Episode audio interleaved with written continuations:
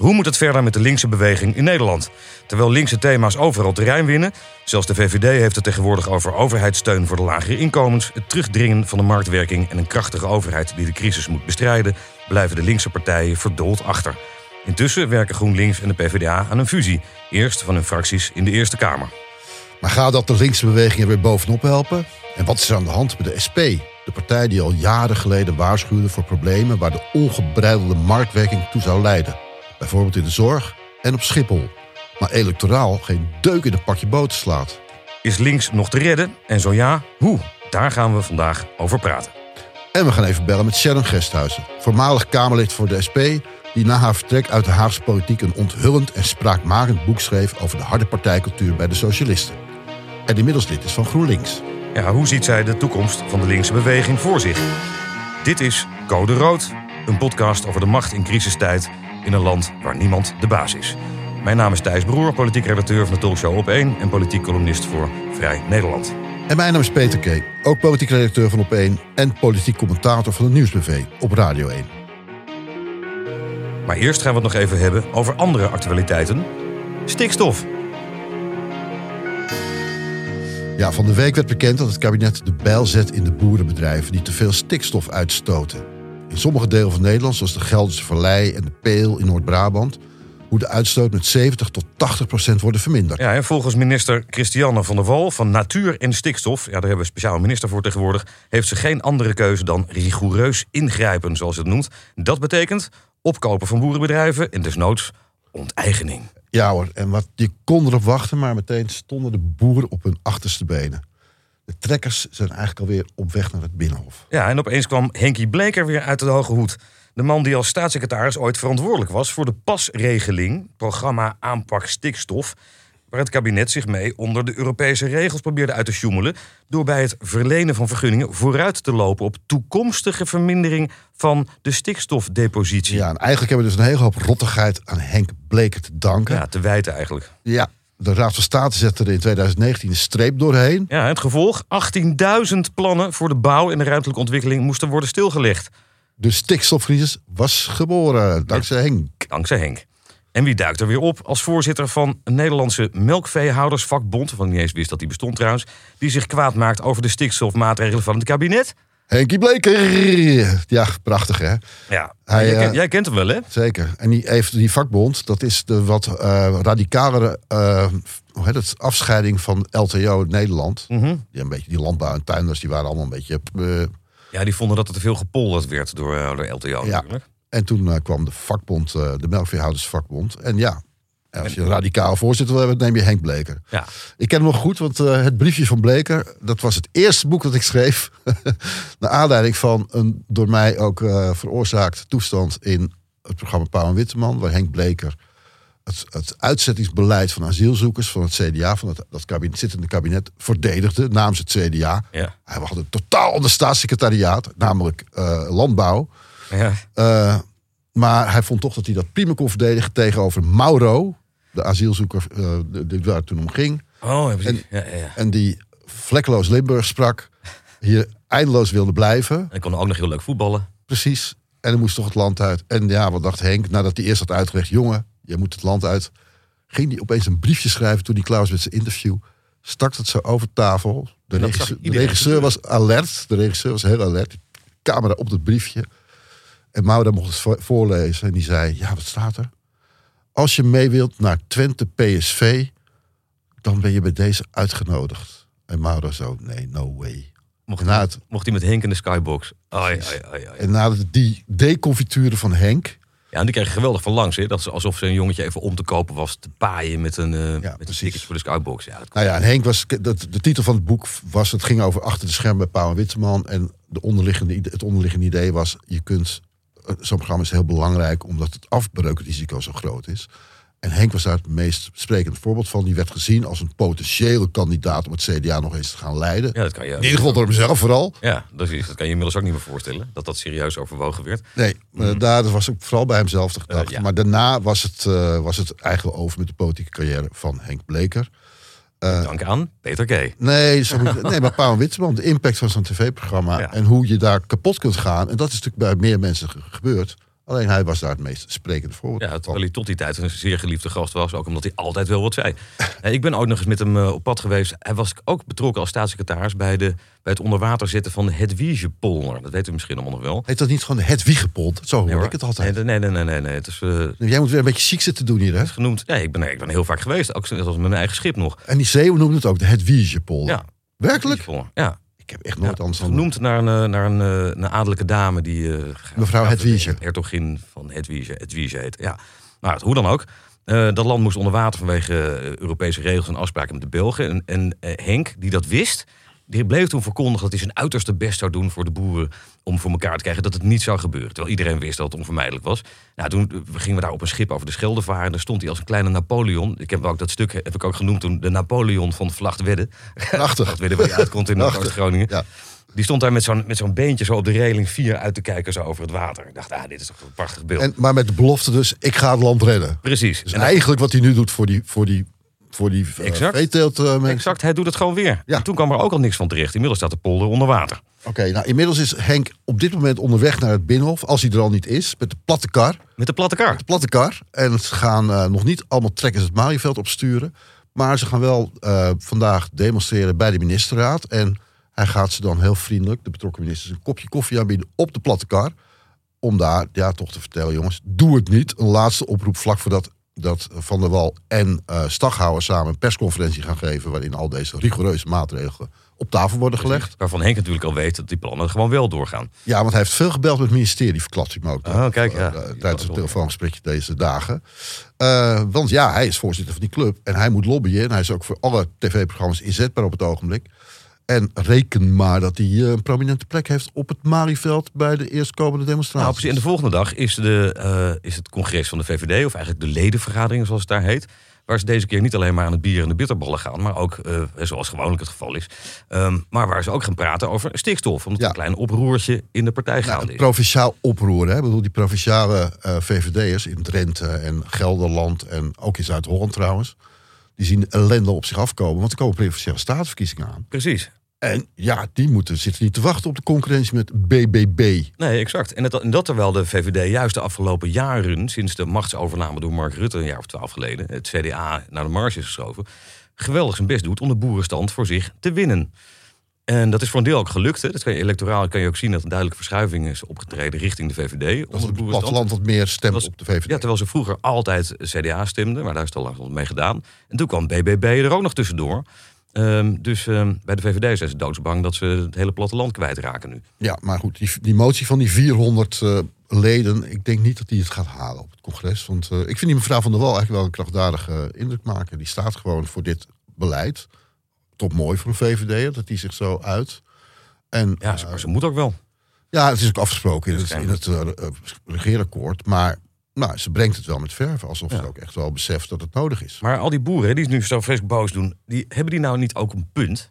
Door de afgelopen jaren hoor je talloze verhalen over dat ze dan weer eh, de geweldige investeringen hebben gedaan om hun stal duurzamer te maken. En dan blijken die rubbertegeltjes toch uiteindelijk niet te worden goedgekeurd. Ze net, waar ze net anderhalve ton voor betaald hebben. Weet je? Dat, je hoort aan een lopende band zulke verhalen over dat zwalkende beleid en die boeren die daar de dupe van zijn. Worden ze niet enorm gesubsidieerd bij dat soort maatregelen en zo? Worden ze niet enorm gesteund? Ik heb Ja. altijd het idee dat we echt het alles aan doen om boeren maar zoveel mogelijk geld te geven om ze uit te kopen. Ik wou dat ik een boerderij had. Ik, ga, ik doe hem op voor een miljoen hoor. Eh, ja, maar ze, Ja. boeren zijn heel erg gehecht aan hun grond. Hè? Die, die zeggen dat geld bestaat helemaal niet. Dat, is allemaal, eh, dat zit allemaal in onze grond. Doet allemaal niet de zaken, bedoel je? En Nou ja, ik vind dat ook een beetje eigenaardig gevonden. Ik bedoel, tot voor kort kon je nog zeggen... dan ga je toch lekker naar de Oekraïne. Ja, dat werkt nu ook niet meer natuurlijk. Nee, dat heb je hele grote boerenbedrijven ook inderdaad. Ja, Ja, maar, ehm, kon je heel veel geld verdienen. ja, maar komen we nog onder die Europese regels uit eigenlijk? Nou nee, nee dus. Volgens mij is de conclusie... eh, ze zullen toch vroeg of later de pomp moeten. Het geldt overigens helemaal niet voor alle boeren. Dus een, uit allerlei cijfers blijkt ook dat het een deel van die grote, vooral de varkenshouderij, eh, de meeste stikstof wordt uitgestoten. Het is op zich ook wel logisch dat we dat in zo'n piepklein landje een beetje aanpakken.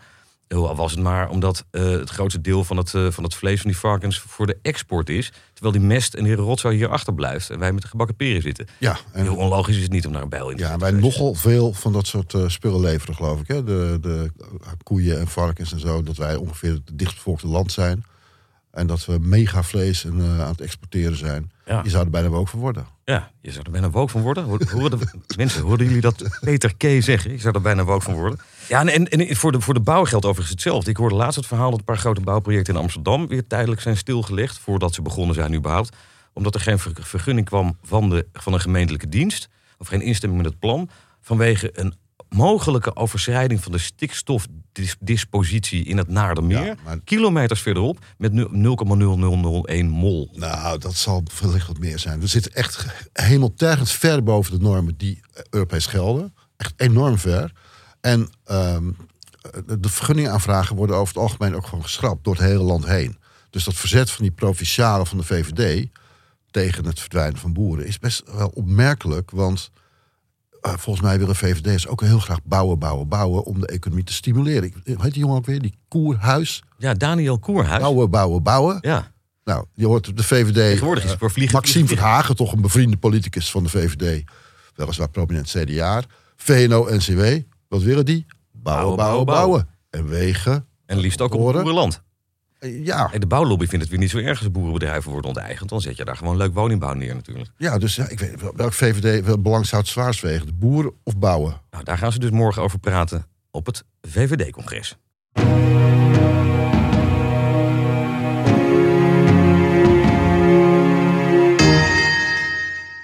En dan de linkse beweging. Ja, het plan van de partijtoppen van GroenLinks en de PvdA om de Eerste Kamerfracties te laten fuseren zorgde de afgelopen weken voor veel rumoer. Ja, reeksen partijprominenten spraken zich uit voor verregaande samenwerking. Bram van Ooyek, Jolande Sap, et cetera, bij GroenLinks. Cohen, Samsom, et cetera bij de Partij van de Arbeid. Ja, maar ook was er steeds fellere tegenstand van leden die zich een fusie ingerommeld voelen. Hans Spekman zagen we voorbij komen. Ja, die verbeet natuurlijk. Die hamert natuurlijk op zorgvuldige procedures. Adrie Duivenstein, die überhaupt eh, tegen fusie van wat voor soort is. Ook wat nu voor ligt, hè, fusie van die Eerste Kamerfracties. Femke Roosma, Wie is dat ook weer? Oud-fractievoorzitter van GroenLinks in Amsterdam. Ik zag die Huub Bellenmakers, dat is een twitteraar, hè? Een Precies. GroenLinks Hele- twitteraar. Hele grappige twitteraar trouwens. Die is, is altijd vrolijk in de, in de clinch met zijn eh, goede vriend Peter Quint van de SP. Komen we daar ook nog over te spreken. En we hadden natuurlijk zelf Sabine Scharwachter in de uitzending, in onze podcast. Ja, Luister die vooral terug. precies. Over het F-woord. De fucking fusie. Ja, eh, Jesse Klaver die de partij de ellende in heeft geholpen. Eh, ja, die een spoor van ellende achter zich heeft gelaten. Er zijn niet zoveel mensen in GroenLinks die dat openlijk durven te zeggen. Goed, maar wat is de voornaamste kritiek? En hoe lopen de lijnen? Nou ja, de- kritiek is vooral is in de eerste plaats, denk ik, op de gevolgde procedure. Veel verontruste leden hebben het idee dat ze met stoom en kokend water richting een fusie gejaagd worden. Terwijl het alleen maar gaat om een, om een eventuele samenwerking, een soort ja, een lijst van de nee, Eerste ook- Kamer. nou, zelfs dat niet. nou, ook zelfs niet een lijst, nee. Nee, een soort verbinding. Er, dan- er, komen, er liggen verschillende moties voor op het eh, PvdA-congres. Eh, de motie die ondersteund wordt door de partijtop is er één... waarbij die fusie tussen de Eerste Kamerfracties... die nu al heel goed samenwerken, beweren ze dan... ehm, zal plaatsvinden na de Provinciale Statenverkiezingen... en zonder dat er een gezamenlijke kieslijst... of een gezamenlijke campagne aan vooraf gaat. kun je nagaan. En dat geeft ze dan een argument ja. tegen de tegenstanders om te zeggen: nee, het is alleen maar een experiment, we kunnen nog van elkaar af. Maar ja, de tegenstanders zeggen natuurlijk dat is gewoon een salamitactiek om ons erin te luizen. Want je kan er donder op zeggen dat als we straks echt samenwerken, fuseren zoals in die fractie, dat de volgende stap is een gezamenlijke lijst bij de Tweede Bovendien, Kamerverkiezingen. Jesse wil niet liever natuurlijk. Maar goed, eh, de leden hebben de kans om zich uit te spreken in het referendum. Dat ligt nu voor. Ja, dat is waar. Maar Daar horen we ja, de uitslag van zaterdag. ja, maar het zou mij niks verbazen als, dit, als het er gewoon doorkomt. Want het is zo'n milde motie uiteindelijk dat mensen er moeilijk te- tegen kunnen zijn. En het lastige is ook dat je de grote meerderheid van die beide partijen, van de kiezers en van de leden, hebben keer op keer al gezegd dat er intensiever samengewerkt moet worden. Nou, dit is dan een eerste stap eh, verder op dat pad. En, goed, en morgen doet dus ook het PvdA-congres daar een uitspraak over. Ja. En eh, daarvan verwachten we toch ook wel dat die gewoon gaan instemmen. Hè? ja, precies. Ietsje meer gemor, Ja, dat is iets meer gemor misschien, procentueel. Ehm, iets minder enthousiasme ook bij de partijleiding. Ja, maar wat, ja, wat, wat, wat, wat opiniepeilers ook wel weer zeggen... is dat dit het uitgelezen moment is in de geschiedenis eh, voor samenwerking. Omdat het tot nu toe telkens misging op het moment dat er... Ik bedoel, er is natuurlijk keer op keer over links samenwerking gesproken. Die voorbeelden hebben we laatst ook een keer voorbij laten komen.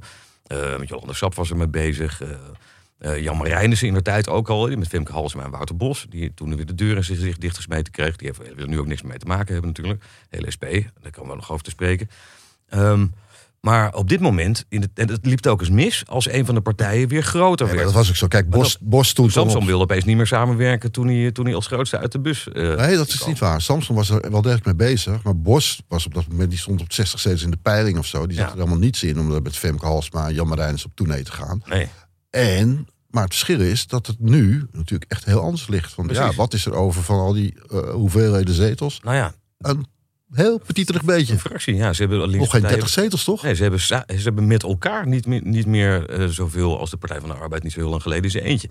Dus dit, eh, analisten zeggen dan, dit is het ideale moment, omdat ze er allebei zo slecht voor staan om die stap te zetten. Dat ze Ja. nu moeilijk anders kunnen. En dat alles dankzij Rutte, die in crisistijd de ideale le- leider bleek te zijn. Nou ja, dat is, ja dat, daar, daar hebben we toch wel aanwijzingen voor. Want we, we hebben het er laatst ook al een keer over gehad, geloof ik. Dat onder Lodewijk Asscher heeft de Partij van de Arbeid in de, vlak voor de crisis, nog heel Ja, even in de vlak voor de coronacrisis inderdaad. Precies, vlak daarvoor nog bijna net zo hoog als de VVD gestaan in de peilingen. 20 zetels om 24 zetels voor de VVD. Precies, waaruit tegenstanders van de, van de fusieplannen van die beide partijen binnen de PvdA zeggen, eh, concluderen, zie je wel, we zouden het best kunnen op eigen kracht als we maar een goede leider hebben en een goed moment. Nou ja, ik heb toch het gevoel dat dat ook wel zo is. Dat zag je bij de Europese verkiezingen immers ook. Ja, want Eens ja, kwam de PvdA, die in alle peilingen eh, op eh, zes zeteltjes stonden.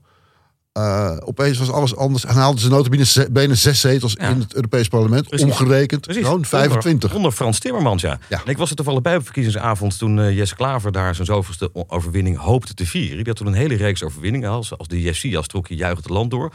Ehm, maar toen voor het eerst werd hij opeens ingehaald door de Partij van de Arbeid. Komt Frans Timmermans opeens over de vluchtstrook voorbij. En wordt niet alleen de grootste linkse partij, de grootste partij van het land. Zagen ze dat helemaal niet aankomen eigenlijk. gaat totaal niet aankomen. En wat doet Jesse Klaver? Eerst even zuur kijken, een kwartiertje zich opsluiten met zijn, eh, met zijn mensen in een hokje. En vervolgens stapt hij met een brede glimlach het podium op en zegt hij... Je kan zien dat eh, GroenLinks en de Partij van de Arbeid samen gewonnen hebben vandaag. Mooi, hè, die Jesse weet van alles erover Ja. te maken. Bij de SP was de Strikker. stemming overigens toen ietsje minder vrolijk. Want die hadden de resterende twee zetels in het Europees parlement verloren. Oh god. Dankzij ja. dat baldadige campagnefilmpje waarin Frans Timmermans tot gehakt werd jezus. Oh ja, dat was ik weer vergeten. Ja. Ja. En dat kostte Ron Meijer uiteindelijk zijn baan als Ja. voorzitter van de partij. Oh, wat pijnlijk. Ja, dat was heel Maar vervelend. daarna heeft Jesse Klaver nog, eh, nog een tijdje geprobeerd om regierungsfähig te worden. Het begon hij opeens over, eh, over dat hij niet meer een scorebordpolitiek wilde doen. Dat hij niet- begrotingen ging steunen. begroting ging allemaal ging steunen. Nou, dat werd natuurlijk ook allemaal niks. En toen kwam opeens, zat hij opeens, bleek hij opeens in het tuinhuisje te zitten met Lilianne Ploemen. En moest er intensief samengewerkt worden met zelfs een fusie in het verschiet. Maar ja, de SP, die toen tot voor kort nog zo vrolijk op een podium stond met hen op, in de Tolhuistuin, Ja, die doet niet mee. nee, die doet niet mee. Nee. Hmm. Je hebt er vandaag volgens mij Lilian Marijnus nog een paar leuke vragen over gesteld Ja, op de absoluut. radio. Ik heb er zeker een paar vragen over gesteld. Ehm, en ik wil ze best even laten, de antwoorden wil ik best wel even laten horen. Ja, U maar zegt, ik ik ben wens daar veel succes bij. Maar wij hebben helemaal niet de ambitie om eh, daaraan mee te doen. Nee, maar dat, Dus dat is het verschil. we dachten ook vandaag. Kijk, het is zo'n geweldige kans van, van u om, voor u om zich te onderscheiden als de ware arbeiderspartij tegenover dat elitaire linkse blok wat er komt, wat er komt te staan dan. Daar, daarom zeg ik, wij hebben niet die ambitie om, aan, aan, eh, om onze partijen eh, te fuseren met een andere partij. Nee, verre van zelfs. Verre van zelfs. Ja. En haar op haar hoofd die aan denkt om te gaan fuseren met die andere twee. Nee, opmerkelijk hè. Ehm, maar ik denk dat het wel klopt overigens. Dat ze gewoon, ze willen gewoon echt de arbeiderspartij zijn. En dat is ook precies waarom Verbeet en Melkert enzovoort een beetje huilen. Die, die verliezen, die zijn bang dat ze die mensen die ze al bij de fortuinverkiezing toen verloren zijn. Ja, en later nog aan de PVV. Ja, dat ze die nooit meer terug kunnen winnen. En dat ze ook dan nooit meer 30 zetels of meer kunnen gaan halen. Precies, die denken, daar komt, de, daar komt die, poli- die politiek correcte lui van, eh, van GroenLinks met een elitaire bakfiets eh, eh, engagement. Precies. En dat ze, zetten dan de toon. ja, dat elektrisch rijden de hele tijd, weet je wel. Terwijl ja, benzine ook prima is. Beetje duur. Het diesel, ook niks mis mee. ja, een beetje arbeiderrijd diesel. Ja, nee, daar gaat het biefstuk socialisme. Ik begrijp het ook wel hoor, die vrees, eerlijk gezegd. En wat bij de SP natuurlijk ook meespeelt op de achtergrond... is het Jan Marijnissen, die heb ik er nog wel eens over gesproken... een jaar of wat geleden. Die heeft keer op keer zijn best gedaan om, om flink te gaan samenwerken... met de Partij van de Arbeid. Eh, maar die kreeg dus telkens de deur in zijn gezicht dichtgesmeten als het erop aankwam. Dus bij de SP hebben ze uiteindelijk bedacht al jaren geleden... weet je wat, we doen het gewoon zelf wel... En we gaan alleen maar samenwerken met de linkse partij op onderwerpen waar het ertoe doet en waar we samen een meerderheid kunnen halen. En laat het verder maar, want dat heeft toch geen zin. En het leek ook even nog een succes te worden. Toen Marijns had die partij al groot gemaakt. En toen trad Roemer aan. Emiel Roemer. Ja, en die stond op een gegeven moment op 35 zetels in de peilingen. Jezus, ja, je kan je ook niet meer voorstellen. in die verkiezingen die uiteindelijk door Samson enorm werden eh, gewonnen, weet je wel. Kaapt op het laatste moment. Ja, echt op, dit, opeens verschoof het helemaal. Terwijl Roemer zo stoer begon en die zei nog, ja, Europees geld afdragen, weet je wel, hoezo Europese normen? Over my dead body. Oei. En daar begon zijn ondergang, omdat partijleider Jan Marijnissen toen ingreep en zei, dat bedoelde Emiel niet zo. Emiel heeft het een beetje voor zijn beurt gesproken. ja, Dat kunnen wij natuurlijk niet zeggen, dat we de Europese normen totaal Precies. niet... En toen eh, kreeg je de halve wereld over zich heen. Want was dat dan de staatsman die straks het torentje moest gaan Ja, betrekken? en ik kan me nog zo'n quote eh, cover herinneren... waarop uh, Roemer stond met allemaal bijlen in zijn rug en bloed en zo. Ja. Uh, het, uh, vooral erin gestoken door zijn eigen partijgenoten. ja, pijnlijk, pijnlijk. Ja, En daar ging de roemloze afgang. van die aardige Emiel... die daar nu gelukkig goed terecht is gekomen als gouverneur van Limburg. Ja, Wat wel weer prachtig is. Ik gun het hem van harte, want ik vond Roemer ontiegelijk het was een ontzettend, man. ontzettend aardige man. Ja. Ik, ja, ik, ik gun het hem ook van harte dat hij niet eh, door hoefde in, de, in die afschuwelijke slangenkuil in Den Haag. Maar ja, langzamerhand krijgt de SP toch wel uh, in een aantal opzichten gelijk natuurlijk. Hè? Je kan er wel de hele tijd overheen pissen. Maar zelfs jij moet tegen toegeven dat die marktwerking... waar je altijd zo enthousiast over was... Dingen. Ja, nee. Ja, maar hè, dat ik, dit wou ik zelf gaan zeggen. tegen mij zeker. Ja, precies. Nee, maar de SP heeft in heel veel opzichten juist gelijk gekregen de afgelopen jaren. Zeg ik. Ja, nee, exact. Markt, de marktwerking in de zorg, bijvoorbeeld. De, de verelending de, niet zo om lachen. de verelending op de arbeidsmarkt. Zij is natuurlijk al een jaar bezig. De ellende op Schiphol. Die zij als eerste hebben durven aankaarten. Flexcontracten bedoel je? Ja. Precies. Ja, waarvan nu alle partijen zeggen het is een schande dat ze het zo op prijs geven aan de markt. En Dick Benschop de schuld geven. Terwijl de halve Kamer er eh, prima achter stond in de tijd. De SP ehm, heeft dat allemaal voorzien. Maar electoraal profiteert de partij helemaal niet van. Nee, sterker nog. hoe kun je ze- dat nou Ze verklaren? glijden steeds verder af. Hoe is het Ja. mogelijk? Nederland wordt steeds linkser. Zelfs de, zelfs de VVD zegt dat we moeten opkomen voor de lage inkomens. Ja, en, en heel links verdwijnt ongeveer. Ja, precies. Terwijl, in, ja, maar goed, misschien denken ze wel, denken de links mensen wel, nou, Mark Rutte wil ook allemaal, wil het klimaat ook beschermen en is ook tegen stikstof. Hè, wie weet is het toch... eh, Ja, het is belangrijk dat link, wat fijn dat links dat op de kaart heeft gezet. Maar nu stemmen we op Mark. Dat is ongeveer waar het op neerkomt. het blijft wel een bizarre toestand in het Ja. land. Maar ehm, misschien moeten we eens even gaan bellen met eh, iemand die er echt verstand van heeft. Ja, en die daar middenin heeft gezeten. die, Namelijk. gewoon, die, die enorm lang, die zeker tien, zo niet, ja, ruim tien jaar in de, in de Tweede Kamer heeft gezeten. Ehm, ik heb het over oud-Kamerlid Sharon Gesthuizen van de SP. Van 2006 tot 2017 was ze Tweede Kamerlid voor de Socialistische Partij. Ze gooide al snel hoge ogen met haar frisse uitstraling en heldere taalgebruik. En stortte zich op economische zaken, asiel en justitie. Ja, en ze nam nog het initiatief tot de actie Red de Postbode. Oh ja. Je dat nog herinneren? Ja, geweldig. Ja. De SP wordt meteen door de rechtse partijen weggehoond natuurlijk. Het zal allemaal belachelijke nostalgie zijn. Terug naar de tijd van Zwiebertje. Maar ze had wel gelijk. Ze had wel gelijk. Want door die liberalis- liberalisering van de postmarkt... werden die postbezorgers met die flexcontractjes afgescheept. En Ja, en nog steeds. uitgeknepen. Ja, nog steeds die arme mensen. Ze zeulen zich een ongeluk. Ze, moeten, weet ik, ze worden per pakje betaald. En dan moeten ze, weet ik veel, 600 pakjes per dag of zo bezorgen. Willen ze überhaupt aan eh, 9 euro netto per uur zien komen? Of bruto zelfs. Nog erger. Echt uitbuiting is het Ja, gewoon. schandalig. Eh, en eh Sharon Gesthuizen maakte zich ook nog sterk voor samenwerking met het MKB. Een onverwacht bondgenootschap binnen de SP. Ze probeerden de, de banden ook met de werkgeversclubs aan te trekken. Ehm, en in 2015 stelde ze zich kandidaat om, reeds genoemde Jan Marijnissen, op te volgen als partijvoorzitter. En dat was wel een toestand, want eh, eh, de- het partijbestuur... en lees ook Jan Marijnissen... die hadden alle vertrouwen in de buitenechtelijke zoon van Jan Marijnissen... Ron Meijer. Zeg je dat weer mooi? Ja, nou ja, het was gewoon, dat was, ja, in alles leek dat ze zo een felle, echt linkse eh, straatvechter eigenlijk. Ja, ja, de spitsenkandidaat van het partijbestuur. Ja, oudspeler van Rode SC ook. Dus, eh, en, eh, ja, stevige jongen uit Heerlen. Ja, de Rode SC is Kerkraad natuurlijk. Maar hij, hij ging, zat in, He- in Heerlen in eh, de gemeenteraad inderdaad. Ehm, nou, die werd gestoond door het bestuur. De, ehm, en over haar werd gewoon een soort, eh, soort besmeurcampagne gevoerd. Ja, heel naar was het Ja, ze gewoon. ging er een beetje doen alsof zij een soort eh, stiekem links-liberaal was, ongeveer ten opzichte van Ron. Ja. Daar kwam het ongeveer op neer. Ja, en daarbij werd ook nog wel gezegd dat ze er te labiel voor was en zo. Het ging, het ging best wel ver Is dat hoor. zelfs zeggen? Ja, het was, ging echt niet, het was echt niet fraai. Oeh.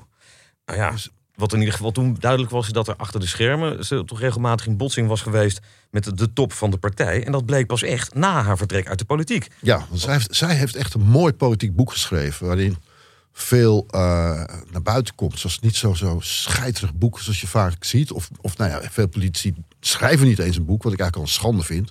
Een beetje politici van naam en allure, die zou gewoon dat moeten boekstaven omdat het enorm leerzaam is voor mensen die, die later volgen. Ja, dat is ook zo. Het, het boek had ook al, al, al, op zichzelf al een prachtige titel. Schoonheid, macht, liefde in het leven en de politiek. Ja, terwijl het ging over de harde cultuur in de top van de partij. Ja, precies. Waar een kleine elite, ja, Jan Reinissen en later Agnes Kant, uh, de dienst uitmaakte. En dat op een knetterharde manier deden. Ja, dat is ook zo. En de openhartigheid die zij daarin etaleerde, werd haar door die partijtop natuurlijk. De openhartigheid die ze daarin etaleerde, werd door de top van de SP matig gewaardeerd. Ja, en in 2018 maakte ze ook bekend dat ze haar lidmaatschap van de SP had opgezegd en lid was geworden van GroenLinks. GroenLinks. En sinds vorig jaar is ze directeur van de kunsthogeschool Art en Design Artes met een Z in Arnhem, Ja, waar ze zelf ooit studeerde. Ja, terug naar de roots inderdaad. Precies, en waar ze nu meemaakt hoe een nieuwe generatie kunststudenten helemaal woke is geworden. Net als Peter K. En Thijs. Ja, die nou, nou, nou, nou, nou. Genoeg om over te praten. Even bellen met Sharon Gesthuizen. Hi. Hey Sharon, Peter K. Hi. Ik zit hier samen met Thijs Broer. En we willen even met je kletsen over een aantal dingen die politiek spelen op dit moment. We gaan meteen maar even beginnen. Je naam stond onder de brief van prominenten van GroenLinks en de PvdA... die pleiten voor een fusie van de Eerste Kamerfracties. Klopt. Waarom heb je die getekend? Omdat ik denk dat het ontzettend verstandig is om juist in deze tijden met veel verdeeldheid eh, te laten zien dat je als eh, politieke partij, als politici over je eigen schaduw kunt heen stappen. En juist eh, datgene wat je bindt kunt benadrukken. Dus eh, de overeenkomsten tussen partijen kunt onderstrepen. In plaats van altijd alleen maar elkaar te bestrijden en te bevechten op, eh, ja, op, soms op hele grote, maar ook wel vaak op details. Ja, laat gewoon zien dat je er samen de schouders onder wil zetten. En vonden ze het, en vonden ze het fijn om juist een oud SP'er zoals jij aan hun zijde te krijgen? Dat zou je eigenlijk aan de initiatiefnemers van de brief moeten vragen. Maar hebben ze jou gevraagd Maar- hiervoor? Hoe is dat gegaan? Maar ik, maar ik kan me best voorstellen. Ja, ik ben inderdaad door een aantal initiatiefnemers, eh, gewoon leden die, eh, die met die brief bezig waren, ben ik, eh, ben ik geappt. En ehm, eh, ik denk inderdaad dat ze dat best wel belangrijk vinden. Weet je, ik bedoel, je laat daarmee natuurlijk zien dat het heel breed is. Ja, dat het niet alleen maar bakfietsmoeders zijn die ervoor zijn, maar ook gestaalde Ik verklaar, bij deze, ik verklaar bij deze plechtig dat ik nooit een bakfiets heb bezeten. En zeker geen elektrische. Oké, we hebben nieuws. De eerste scoop hebben we binnen. Mag ik het daarover hebben, over elektrische fietsen? Nee, zeker. Nee, daar gaan we het niet Nee, over nee, hebben. nee, Want we vroegen ons wel af, waarom doet de SP eigenlijk niet mee?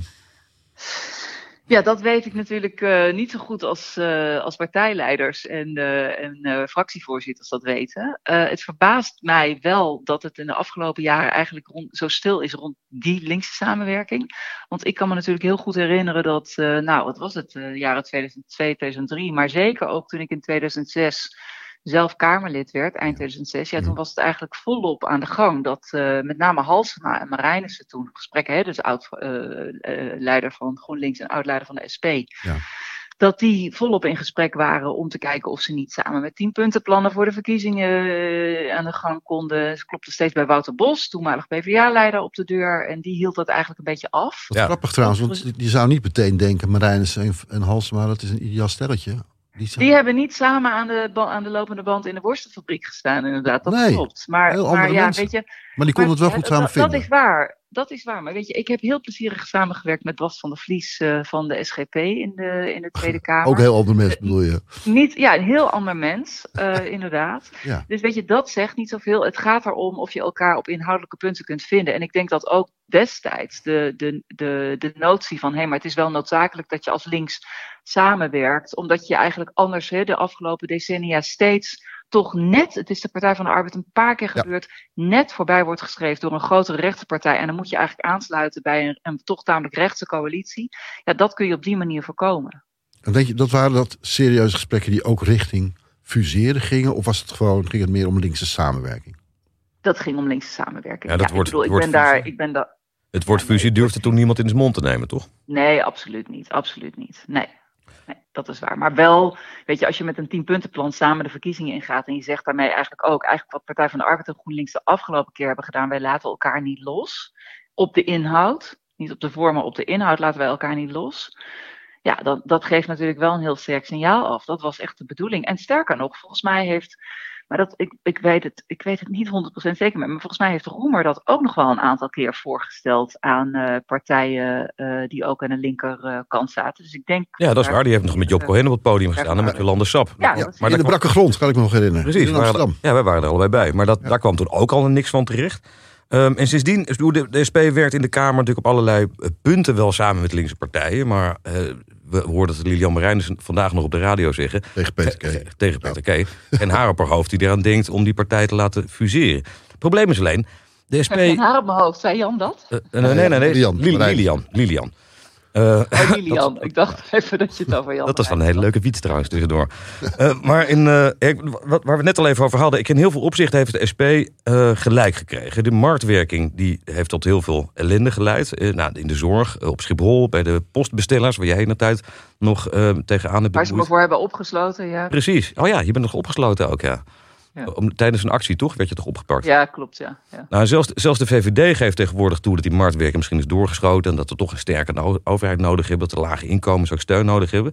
Maar de, de vraag is, waarom krijgt de SP daar niet de credits voor... als partij die daar heel vroeg voor gewaarschuwd heeft? En die bedoelt zetels ook? Ja, credits als in electorale steun. Hoe verklaar je dat? Ja, precies. Je hebt het eigenlijk meer over de breedte van de electorale steun. Kijk, ze krijgen daar natuurlijk in eigen kring, maar ook uh, bij, de, bij de mensen die wel op de SP stemmen, natuurlijk wel de credits voor. Ik bedoel, het, en het is ook niet, het is geen, weet je, het is, ze hebben acht zetels in de Kamer, dus daar is ook nog echt wel steun voor. Maar het is inderdaad wel zo dat dat ja, door weinig mensen, of de relatief weinig mensen wordt gezien. Dat klopt. Dat is Ja. absoluut waar. Maar dat hebben we vastgesteld. Maar waar ligt dat aan? Hoe, hoe kan dat nou? De- Denken mensen, dan Eh. toch, denken mensen dan toch, laat, laat Mark Rutte het maar lekker oplossen? Eh, ik denk dat het met relatief eh, veel mensen in Nederland. ja, dit klinkt een beetje zuur, maar zo bedoel ik het absoluut niet. Maar met best veel mensen in Nederland gaat het heel erg goed. Die hebben ook tot dusver nog relatief weinig hinder gehad in de afgelopen jaren van crisis. En de- de- ja, niet iedereen werkt in de zorg of is een toeslagouder, bij wijze van spreken.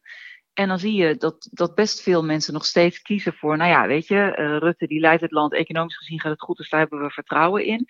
En ja, eh, eerlijk is eerlijk, de VVD is ook toch wel de partij van de mensen met wie het goed gaat. Ja, dat vertaalt zich dus keer op keer in eh, behoorlijk wat stemmen. Ehm, ja, ik vind, dat, ik vind dat zelf eerlijk gezegd ook wel een beetje wijzen op een gebrek aan solidariteit. En ja, hopelijk gaat dat veranderen. Ik Nou ja, ja, ja, ja, ja, maar je, je zou denken, dan komen de gouden tijden aan. Want iedereen krijgt het nu zwaar met eh economische malaise waar we nu in zitten. Met Ja, stijgende dat is een beetje een rare contradictie. Ja, er komen eh, gouden tijden aan, want er komt een economische zou je bijna eh, denken. Ja. Maar Ja, tegelijkertijd, bedoelt voor, voor de SP. dat ja. zou je bijna denken. Maar tegelijkertijd, we zagen gisteren een stuk van Daniel Boomsma in Vrij Nederland. Kritisch Mm. stuk over de SP. En die zegt, de partij leidt aan ges- ideologische ges- gespletenheid. Nou, door Mm. wel eh, links te willen zijn, maar niet links te Mm. zijn als het gaat om eh, arbeidsmigratie bijvoorbeeld. En een Mm. soort forse nationalistische neiging heeft. Ik weet donders goed dat jij daar zelf midden in hebt gezeten in die situatie. Ja. Ehm, en we hebben dat wel heel vaak kunnen. Ik vond het een, een goed artikel, want het hebben we, is precies wat we zien, toch?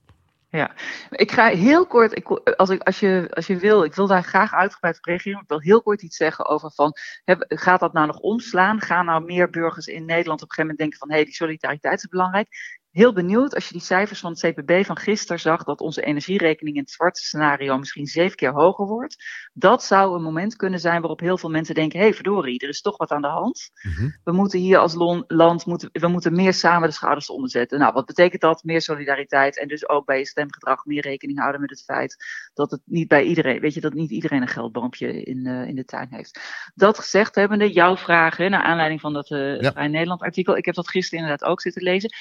Ik, even één disclaimer, ik vind het ik vind dat soort stukken vaak ook wel een heel hoog theoretisch gehalte hebben. Weet je, je legt eigenlijk politieke ideologieën naast elkaar. En die zijn dan vaak ook weer een beetje geabstraheerd uit ja, bepaalde vormen van stemgedrag of uitlatingen.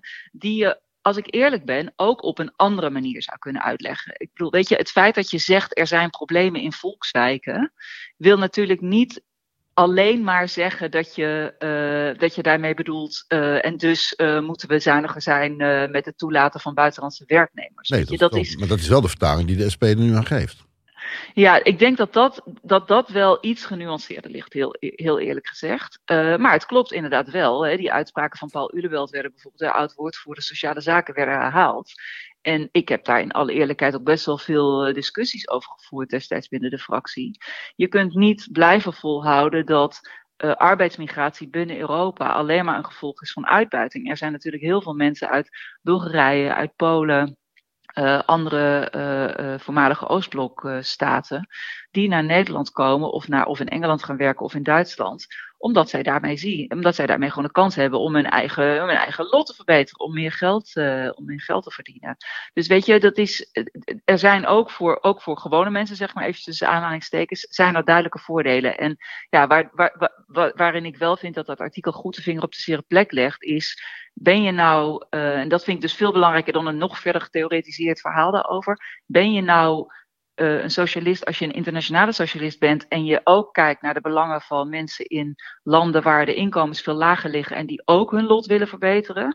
Of zeg je dan van nee, dat willen we niet, uh, de grenzen moeten wat dat betreft dicht zijn. En, en het is interessant om te zien dat juist de Europese Unie, hè, waar, de, waar de SP heel kritisch op is, en waar natuurlijk partijen als Partij, van de Arbeid en GroenLinks toch wat gematigder en echt wel wat positiever in staan, die zijn nu bezig met die weg naar minimumloon. En ja, weet je, daar kun je best wel in zien dat daar op een gegeven moment afspraken over komen, waardoor je dus niet meer kunt zien dat er hier vrachtwagenchauffeurs rondrijden die ver door de bodem van ons sociaal minimum eh, en de cao's zak. Nou, precies. Dat, dat, is eigenlijk een hele mooie ontwikkeling. Nou, dat is wat we Lilian Marijnis vandaag ook hoorden zeggen. Hè. Dus, dus wordt, de SP wordt dan van uh, eigen arbeiders eerst en uh, volksnationalisme beticht. Maar zij zegt, als het over arbeidsmigratie gaat... wij pleiten er gewoon voor om, om iedereen die hier komt werken... Uh, om daar dezelfde arbeidsvoorwaarden voor te creëren. Om te voorkomen dat mensen uit Albanië en weet ik waar vandaan... hier uitgebuit worden in de kassen. Ja, en ik zou dan eerder zeggen, ik, ik, ik, er zijn overigens zeker, ik weet niet of je het boek Bitter Avontuur ooit hebt gelezen, volgens mij is het van Renate van der Zee. Het gaat over drie verschrikkelijk schrijnende verhalen van arbeidsmigranten die inderdaad allemaal vreselijk worden uitgebuit. Ook een Poolse dame, hè, waarvan je eigenlijk denkt, ja, hoe erg kan dat dan eigenlijk zijn? Nou, inclusief paspoort afpakken en alles eraan toe. Dus dat is één kant van het verhaal. De andere kant van het verhaal is dat het niet altijd alleen maar om uitbuiting gaat. Maar dat je wel moet voorkomen dat mensen elkaar op die manier tegenover, tegen elkaar worden uitgespeeld. En dat er een uh, weet je, dat, dat je eigenlijk uh, mensen elkaar op loon en op arbeidsvoorwaarden laat, laat uh, beconcurreren. En dat is wat, waar, waarvan het denk ik terecht is dat je als linkse partijen, en dat, doet, dat doen GroenLinks en Partij van de Arbeid en SP op Europees niveau, dus ook alle drie, waarin je probeert daar een sociale bodem in te leggen en zegt, ja, dat kan dus niet. Het moet ja. niet uh, door het putje. Ja. En nog, nog een ander dus ding. eigenlijk zijn er dus heel veel, ja, er zijn heel veel overeenkomsten en heel veel raakvlakken, juist als je er met een afstand hè, wat breder naar kijkt tussen die drie partijen.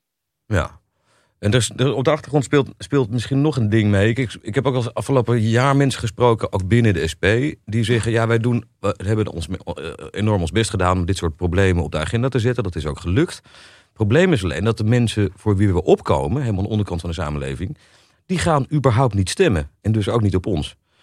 Dus, uh, onze... Dat is heel vaak helaas waar, ja. ja. En dat, dat is toch een, een verdrietige zaak. En dat zou dan een van de belangrijke factoren zijn waarom de SP dus niet opveert. Ondanks het feit dat mensen steeds meer aandacht hebben voor de thema's die door het SP op de agenda worden gezet. Ja, weet ik niet. Weet je, ik heb daar, ik heb daar geen onderzoek naar gedaan. Wat ik heb gezien is dat uh, de afgelopen jaren de steun voor linkse politiek. Uh, die heeft gewoon klappen opgevangen. En ja, dat, weet je, wat dat betreft kun je naar, naar alle partijen op links kijken. Met uitzondering van de Partij voor de Dieren, die het natuurlijk verkiezing op verkiezing steeds beter doet. Uh, ja, vandaar denk ik ook de noodzaak om juist uh, krachten te bundelen. Maar je vraagt je wel af of de SP ooit verder gaat komen dan vruchteloze verontwaardiging langs de zijlijn. Om het zinnetje uit en dat wil jij te citeren. Nou ja, inmiddels... Dat wil je mij nu vragen, nou ja, omdat, ik, is... omdat ik oud-SP'er ben. Maar ja, weet je, zo zuur ben ik natuurlijk niet. Nee, maar dan, dan, dan, dan vraag ik het voor heel links, waar je nog steeds wel deel van uitmaakt. Ja. Ja, gaan GroenLinks en de PvdA samen verder komen dan vruchteloze verontwaardiging langs de zijlijn. Wat ik heel belangrijk vind is, ik, heb in een aantal, uh, ik heb een aantal kabinetten meegemaakt. Uh, Balkenende 4 was het destijds, waarbij de Partij van de Arbeid aanschoof. Rutte 2, uh, ook weer Partij van de Arbeid. En dan delf je het onderspit. Ja, die, daar zijn er niet gelukkig van geworden in ieder geval. Nee. nee, daar zijn ze niet gelukkig van geworden. Dat, dat heeft ze iedere keer eigenlijk uh, een behoorlijke slag opgeleverd. Nou heeft Samsom ze wat dat betreft aardig uit het slop getrokken na, na de, de escapades met, met, met bal, of de escapades na de kabinetten met Balkenende. Uh, maar dat is inderdaad de, de, meest recente keren gewoon iedere keer niet gelukt bij de Kamerverkiezingen. Nee. Dus ja, als je wil voorkomen dat je, dat, dat je aanschuift bij een rechtskabinet en daarmee de dubbele boete betaalt, ja, dan moet je denk ik gaan samenwerken. En dat is eigenlijk ook precies, daarom is het zo interessant om te kijken, om te zien dat de SP dus nu eigenlijk daar niet aan meedoet. Dat is ook precies de trigger geweest van, van Roemer. En, en ja, weet je, volgens mij was dat ook wel de portée van, van de reden voor, voor, voor Jan om met uh, Halsema te gaan praten. Voorkom nou dat je moet aansluiten bij een rechtsmotorblok en daarmee rechtsbeleid uh, okay. uh, eigenlijk mogelijk maakt. Ja. Dus, dus als het aan jou ligt, komt er één brede linksbeweging op weg naar de progressieve dageraad. Ik zou dat wel heel goed vinden, ja. Zeg, je bent nu vijf jaar weg uit de Tweede Kamer. Um, Zo lang alweer. Ik geloof het wel, ja. Toch? Dat klopt toch ja. niet? Ja. ja, klopt. Kijk jij nu wel eens om in verwondering? Iedere dag. je bedoelt richting hoe, hoe het zich nu afspeelt. Ja, wat het zich nu afspeelt in ja. de Kamer. Um, ik vind nog steeds dat er uh, ontzettend veel uh, goede dingen gebeuren. En dat, weet je, dat is, heel, veel, heel veel daarvan zie je natuurlijk niet. Hè? Ik bedoel, ja, er is maar zo weinig wat de headlines en wat het, het acht uur journaal s'avonds uh, haalt. Uh, maar ik ben echt, ik ben dol op de democratie. Peter, jij moet het weten, want ik heb jou zelf nog getekend in een kinderboek ja, over democratie. prachtig kinderboek. Hoe heet Hang het ook weer? Hoe heet het ook weer? Het kinderboek? Uh, Piraten, dieren, bejaarden, wat stem jij? Een boek voor ongeveer 10, 12-jarigen, juist om mensen meer te leren. Kinderen al, maar ik vrees dat heel veel volwassenen Echt mooi boek hoor. kunnen leren. Om ze iets te leren over de democratie. Uh, dus weet je, er gebeuren veel goede dingen. Maar wat, we, ja, wat veel het nieuws haalt, en ja, daar speelt dus media spelen daar ook wel een rol in. Maar wat veel het nieuws haalt al jarenlang is toch uh, de grove beledigingen, het elkaar continu uh, schofferen. Ja, dat is een hele. Je maakt daarmee een hele slechte beurt. Nou ja, ik denk dus, niet ja. dat het nu zozeer in de media ligt. Ik kon me dat vroeger misschien nog iets meer voorstellen. Maar dat we de relletjes. Er is geen. Maar... Er is geen dinsdag geweest, geen dinsdag in de Tweede Kamer, dat er niet een hele horde met journalisten achter wil, Wilders aan Dat is waar. Dat is waar. Dus ik, het ik ligt ook aan wie, voorheen... wie je de camera richt. Ja, maar nu is, het, is dat niet het beeld dat ik zie. Ik zie gewoon een Kamer die gewoon knetterhard met elkaar omgaat. Ja, dat klopt. Ja, het, is het, het, het, ja, het heeft. Hè, blijkbaar is er gedacht, nou, dat verdient navolging, uh, dat soort uh, omgangsvormen. Ja. Dat is één kant van het verhaal. Ik denk dat de andere kant van het verhaal ook is. Uh, dat, dat je, uh, je, je. voelt gewoon in. Ik, ik weet niet of jullie. Ik, ik heb het laatste seizoen van Borgen en de afgelopen week allemaal achter elkaar. Uh, in het weekend hadden we het al. Was het alweer achter de kiezen. Ja. Uh, en dan je hebt, je hebt zo'n tijd voor zulke dingen tegenwoordig. Ja, ja is inderdaad. Ja. Ik heb gebingewatcht de afgelopen, het afgelopen weekend. Ja. Wij, maar wij moeten nog. Dus, maar, oh, je moet. Oh, dan mag maar, ik het niet verklaren. Nee, nee, je, mag, je mag het wel vertellen. Kijk, de eerste, eerste deel heb ik allemaal gezien. Als je politici ziet die eigenlijk eigenlijk allerlei regels hebben overtreden. Die gelogen hebben tegen het parlement of tegen commissies. En die eigenlijk gewoon geen. Uh, uh, ja, weet je, die niet betrouwbaar meer zijn. Die niet meer vertrouwd worden. En die blijven dan zitten. En volgens mij hebben wij daarmee in onze landelijke politiek met een premier ook mee te maken. Ja, dan doet dat echt heel veel met het vertrouwen van je eigen achterban. Met het vertrouwen van mensen in het land. Dus het is denk ik die twee dingen samen. He, dus een verharding en, en navolging van, van, van een soort straattaal en daarmee de media halen uh, van parlementariërs zelf, maar ook een premier die ja, in, in, mijn ogen te lang is blijven zitten nadat hij keer op keer op, uh, op, op, op fouten is betrapt. Nou, vertrouw me nou, zei, zei Marcus de laatst tegen de Kamer. Geef me nou vertrouwen in plaats van altijd wantrouwen. En... Dat was na dat incident met die verdwenen appjes of sms'jes, ja. toch? Ja, ja dat uh... vond ik zelf wel ook. Ik vond dat behoorlijk ver gaan, hè, om daar zoveel achter te zoeken. Maar, maar het komt dus, dat is het punt. Het komt dus ergens vandaan. Het komt uit incidenten waarvan er heel veel zijn geweest, waarin hij niet eerlijk is geweest. Dus ja, vertrouwen komt uh, te voet en gaat te paard. En als dus, het weg is, ja, ja. Dus jij vindt dat hij al lang al weg had moeten zijn eigenlijk? Ja, vind ik wel. En ja. hoe, hoe vindt die man dat op de bank naast jou eigenlijk? Is hij daarmee eens of uh, gaat dit te, is dit te particulier? kan ik niet zoveel over mag ik, zeggen. Mag ik jou wel vragen, toch? Het is een enorme strijd daar thuis. Ja, wij, zijn, wij, zijn, wij hebben iedere dag stevige discussies over politiek. Uh, met links en rechts inderdaad op de bank. Ja, want jouw man is van de VVD, uh, hoort, begrijp ik dat goed? Die is lid van de VVD, ja. ja, ja klopt. Ja. Wij, moeten geen discussies over vluchtelingen hebben als we, als we allebei een beetje hongerig zijn. En over Rutte? en over Rutte? Nee. Ja, weet je, dat, dat, dat moet je me een keer zelf vragen, zou ik zeggen. Uh, dit is gewoon mijn opvatting. Ik bedoel, ik denk dat een premier die zo vaak uh, door het stof heeft, heeft moeten gaan, die zijn geloofwaardigheid verdwenen. En nog los daarvan, ja, weet je, maar da- da- daar kan, hij, daar kan Rutte verder niks aan doen. Ja, de- hij zit daar natuurlijk al zo lang. Het, hij is op, op een bepaalde manier, in bepaalde debatten zie je toch ook wel weer een soort onaantastbaarheid. En, en Kamerleden, die, dat is dan weer de schuld van de Kamer, die veel te snel worden opgevolgd door andere Kamerleden. Weet je, die, die na een periode van drie, vier jaar alweer vertrokken zijn. Ja, Ja, want als ik daar nog iets over mag zeggen. Kijk, ik heb jou binnen zien komen in de Tweede Kamer. Eh, en toen vo- vond ik je best wel zo'n heel strenge SP'er. Ik bedoel, zo moest het. En toen je wegging, Hmm. was je inmiddels bedreven in het maken van deals met, met Bas van der Vlies en anderen. Omdat je iets Ja. wilde bereiken, toch? En in die zin kun je als Kamerlid ook heel erg veranderen. Van vooral je eigen agenda eh, neerzetten. de- in plaats daarvan gewoon deals maken en ook echt iets bereiken.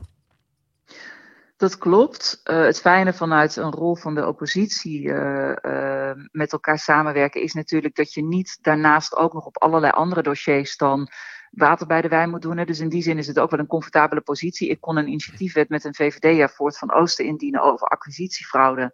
Hele nare vorm van fraude, veel slachtoffers, heel veel maatschappelijke kosten. Eh gaat vooral om geld. Ehm, eh, weet je, dit, dat kon ik met hem doen zonder dat ik ook maar een, een veer hoefde te laten op, op het gebied van bijvoorbeeld eh, woordvoering asiel of, of eh, Ja, gevangenisstraf of wat dan ook. Dat is natuurlijk heel comfortabel hè, vanuit de oppositie.